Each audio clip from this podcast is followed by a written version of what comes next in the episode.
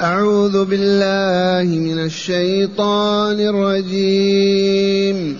كذبت ثمود بطغواها إذ انبعث أشقاها.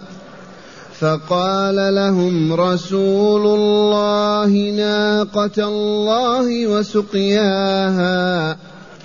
فكذبوه فعقروها. فكذبوه فعقروها فدمدم عليهم ربهم بذنبهم فسواها ولا يخاف عقباها. أحسنت. معاشر المستمعين والمستمعات من المؤمنين والمؤمنات. قول ربنا جل ذكره. كذبت ثمود بطغواها لما ذكر تعالى تلك القاعدة العظيمة وهي قوله تعالى قد أفلح من زكاها وقد خاب من دساها. وقد أقسم بثمانية أقسام من أجل هذا الحكم العظيم. هذه القاعدة القائمة إلى يوم الدين.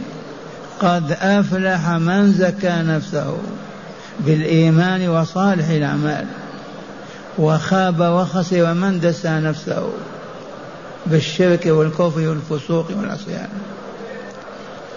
هنا بين تعالى حادثة لعل المشركين في مكة يتعظون لعل من يسمعها يتعظ من عباد الله.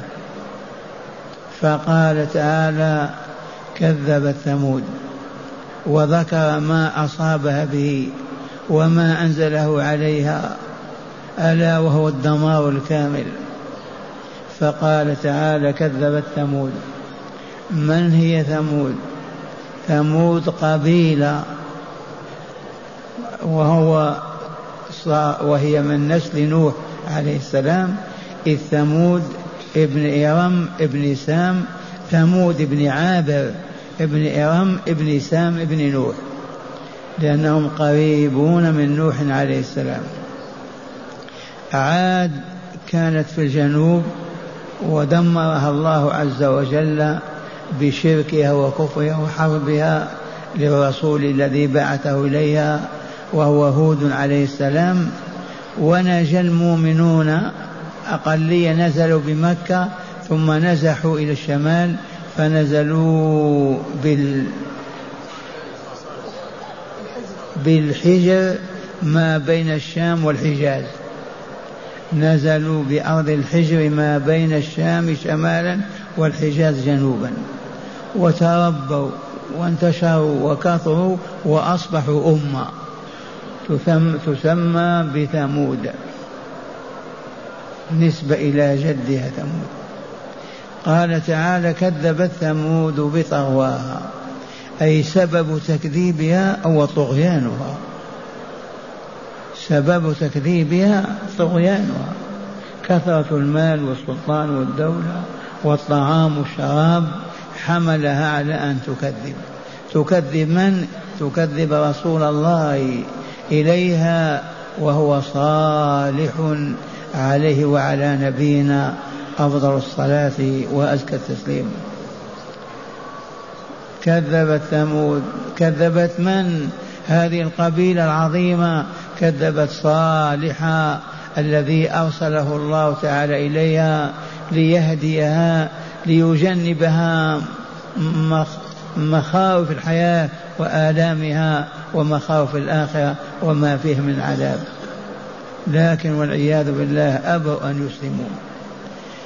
فلما بعث الله إليهم صالحا طالبوه بالآية التي تدل على أنه رسول الله إليهم. طالبوا نبي الله ورسوله صالحا عليه السلام بآية تدل على أنه أرسله الله إليهم. فقال لهم ماذا تريدون من الآية؟ قالوا نريد أن يخرج من هذا الجبل ناقة. فصلى نوح ورفع يديه صالح ورفع يديه إلى ربه وما زال يذكر الله ويدوه حتى انفلق الجبل وفيه صخور. وانفلقت صخرة وخرجت ناقة عشراء من أجمل ما يكون. أعظم آية وقعت في الأرض. ما أعطيها نبي ورسول كهذه الآية. صخرة في الجبل تنشق وتخرج منها ناقة عشراء حملها مضى على عشر أشهر. ثم قال لهم بعد ذلك هذه الناقة ناقة الله وهذا الماء الذي تشربون منه أعطوه إياها يوما وخذوه أنتم يوما ثانيا. وسبحان الله.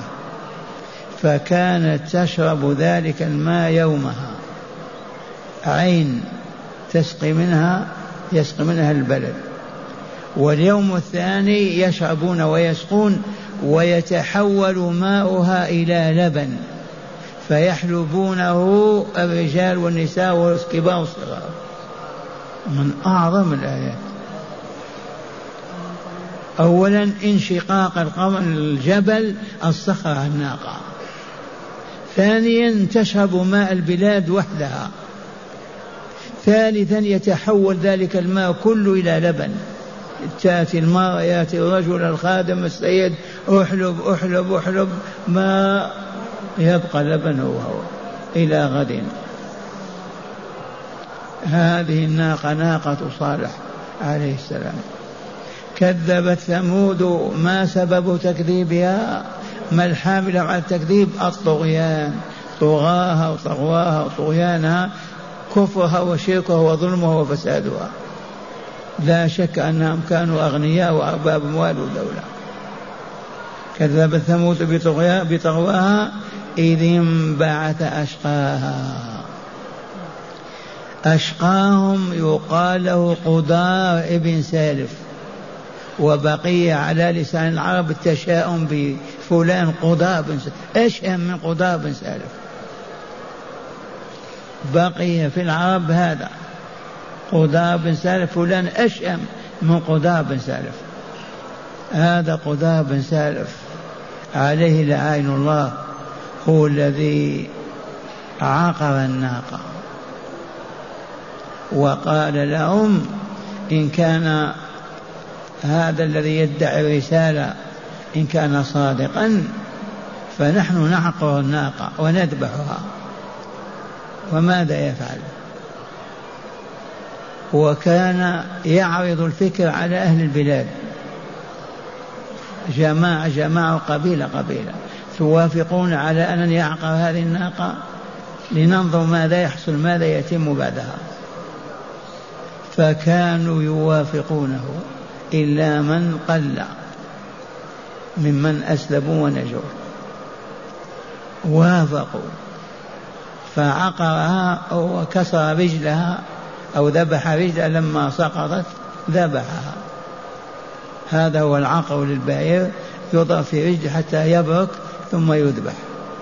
عقر الناقة إذا كذبت ثمود بطغواها إذ انبعث أشقاها من هو هذا الشقي؟ ما هو شقي؟ أشقى. أكثرهم فسقا وفجورا وظلما وشر وأكثرهم عذابا يوم القيامة. فقال لهم رسول الله ناقة الله واسقيها حذرهم. طلبتم الآية؟ أعطاني ربي الآية هاي الناقة. عشراء. ومعها عما قريب حوارها. فاتركوها ترعى في البلاد هذه الأراضي الخصبة وتشرب ماء البلاد يوما وتشربون لبنه أنتم يوما ثانيا. ناقة الله وسقياها. ما سقياها الماء الذي تستقي به وتشربه. عين في المدينة يشربون منها. إذا هي تشربها يوما ويشربونهم في اليوم الثاني. لكن الماء الذي شربته الناقة والله يتحول إلى لبن. يحلبون يحلبون يحلبون. هذه مرة هذا رجل طول النهار والليل ما ينفد لبنها. ومع هذا ما آمنوا ما آمنوا ناقة الله وسقياها فكذبوا. كذبوا صالحا في دعوته وهي أن لا يعبد إلا الله. وإني لكم نذير مبين. اعبدوا الله عباد الله واتقوه وأطيعون. صاح فيهم سنوات بهذا. اعبدوا الله واتقوا وأطيعون. فكذبوه فعقروها. من عقرها؟ قداء ابن سالف لكن كلهم وافقوا. فالموافقون على قتل الناقة وعقرها يصبحون كأنهم باشروا قتلها. وهو الواقع. أيما جريمة يسكت الناس عنها ويرضون بها يدخلون في عذابها وإن لم يباشروها. باشرها واحد فقط. لكن رضاهم بذلك وموافقتهم وسكوتهم عن هذه الجريمة جعلهم كأنهم باشروا القتلى أمة كاملة ما تقتل الناقة يقتلها واحد.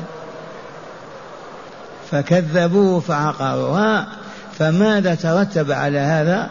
قال فدمدم عليهم ربهم. أطبق عليهم العذاب. وكان العذاب كما يلي. كما جاء مبينا في سورة الأعراف. هذا العذاب الذي أصابهم أصابهم يوم الأربعاء. يوم الأربعاء صباح الخميس أصبحت وجوههم مصفرة لأن الله قال تمتعوا في داركم ثلاثة أيام.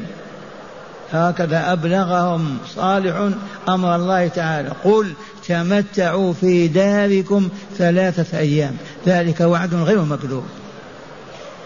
ثلاثة أيام. الخبر بلغهم يوم الأربعاء. صباح الخميس وجوههم كلها مصفرة رجالا ونساء. الجمعة وجوههم كلها محمرة. صباح السبت وجوههم مسودة. صباح الأحد صيحة واحدة. أخذت قلوبهم فهلكوا عن آخرهم. فأخذتهم الصيحة مشرقين مع الصباح. هذه نفخة من؟ نفخة إسرافيل. فأخذتهم الصيحة مصبحين فهلكوا عن آخرهم. والله ما نجا إلا المؤمنون الموحدون فقط الذين اتبعوا صالحا والتفوا حوله وهم أقلية لا تذكر. فدمدم عليهم ربهم بسبب ماذا؟ بذنبهم. هنا العظة وهنا الذكرى والموعظة بسبب ماذا؟ ذنبهم. ما ذنبهم هذا كفرهم شركهم فسقهم فجورهم تكذيبهم للرسول كثير لتوحيد الله إصراءهم على الباطل هذا كله ذنب من ذنوبهم وما أعظمها. وهكذا على أهل الأرض أن يذكروا هذه الحادثة. أمة كاملة أمادها الله دمدم عليه العذاب وأطبقه بسبب ماذا؟ بسبب الذنب. إذا فلما نذنب نحن ونبقى مذنبين؟ نعم. الذنب يواخذ به المذنبون. نعم. فأخذهم الله بذنوبهم. فلهذا يجب على البشرية أن تعبد الله وحده وأن تطيعه ولا تعصيه. لا تترك ما يأمرها بقوله أو فعله واعتقاده ولا تفعل ما نهاها عن اعتقاده وقوله أو عمله وإلا فهي متعرضة في الدنيا للخراب والدمار والعذاب. أما الآخرة فهي دار الجزاء. الآخرة دار الجزاء. ليس إلا جنة النعيم أو دار الجحيم فقط. وليس بعد ذلك عمل ولا جزاء إما الجنة وإما النار. فدمدم عليهم ربهم الباء سببية بذنوب بذنوبهم فسواها عد لها كلها. ما نجا واحد. فقراء أغنياء ظالمين صالحين كلهم سوى النقمة عليهم فسوى عذابها. ولا يخاف عز وجل عقبا. يخاف الله عاقبتها هو خالقهم هو مربيهم هو منزل الغيث عليهم هو الذي أهلكهم ودمر. كيف يخاف عقبا؟ ومعنى هذا يا عباد الله يجب أن نتقي الله وأن نخشى عقابه. قد يصيبنا في دنيانا قبل أخرانا وإن نجونا في دنيانا فالعذاب في الآخرة أشد وأبقى بلا نهاية. وهكذا ليست هذه الأمة الوحيدة التي أهلكها الله قبلها. عاد عاد ما وجد في وجد في الدنيا أمة أقوى ولا أعظم من من عاد في الأرض كلها. وأما عاد فأهلكوا بريح صرصر عاتية سخر عليهم سبع ليال وثمانية أيام حسوما. فترى القوم فيها صرعا كأنهم أعجاز نخل خاوية لطولهم وكبارهم كأنها كأن نخلة ساقطة. فهل ترى لهم من باقية؟ قولوا لا والله.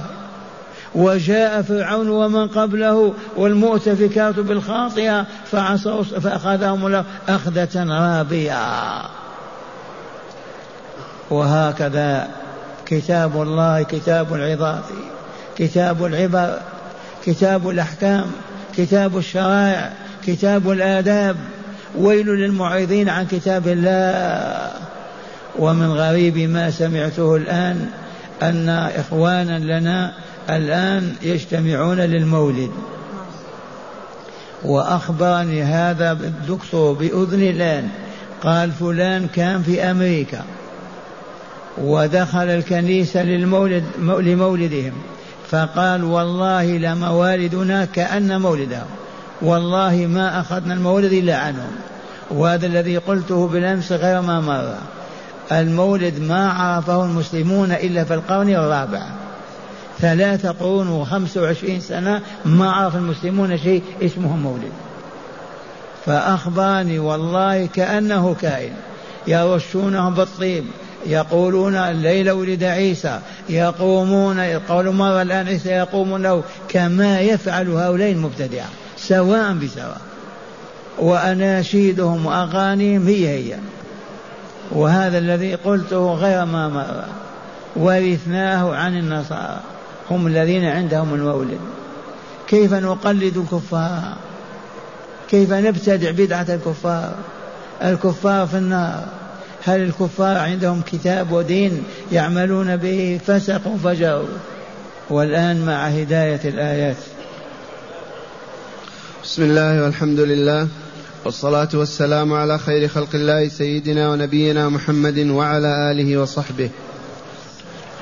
من هداية هذه الآيات أولا بيان أن نجاة العبد من النار ودخوله الجنة متوقف على زكاة نفسه وتطهيرها من أوضار الذنوب والمعاصي وأن شقاء العبد وخسرانه سببه, سببه تدنيسه نفسه بالشرك والمعاصي وكل هذا من سنن الله تعالى في الأسباب والمسببات. من هداية الآيات التي تدارسناها.